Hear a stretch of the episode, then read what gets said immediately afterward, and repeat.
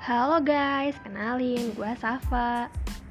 Kenapa sih nama podcastnya itu Bingkai Kaca? Ini terdiri dari dua kata, bingkai dan kaca. Bingkai, di sini gue mau analogiin tentang bingkai kehidupan.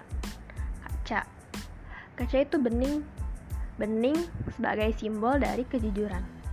Jadi di sini kita mau jujur-jujuran aja. Jujur-jujuran sama apa sih?